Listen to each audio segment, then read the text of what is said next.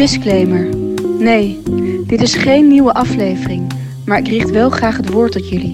Zoals jullie weten hebben we een paar weken vrij om nieuwe shit mee te maken en nieuwe ergernissen op te doen. We hebben wel speciaal voor onze vrienden van de show een aflevering gemaakt die nu te luisteren is via vriendvandeshow.nl slash the shitshow. Stefanie kan zich in deze tijden helemaal overgeven aan het mediacircus rondom haar geweldige debuut We hebben het over je gehad. Dat mediacircus is inmiddels losgebarsten. Er zijn zelfs vrouwen die in dit boek voorkomen die het boek wilden tegenhouden. Lees het dus.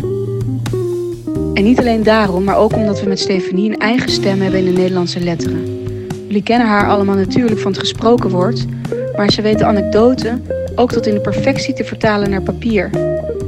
Veel schrijvers zijn totaal inwisselbaar.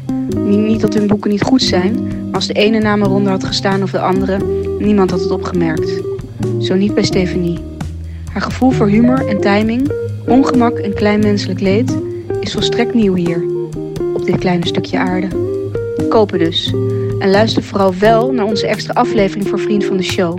We bellen daar onder andere met tante Margreet over haar ervaring op de boekpresentatie van Stef en hoe ze haar ontmoeting met Herman Koch heeft ervaren. En voor de anderen, tot 2 maart.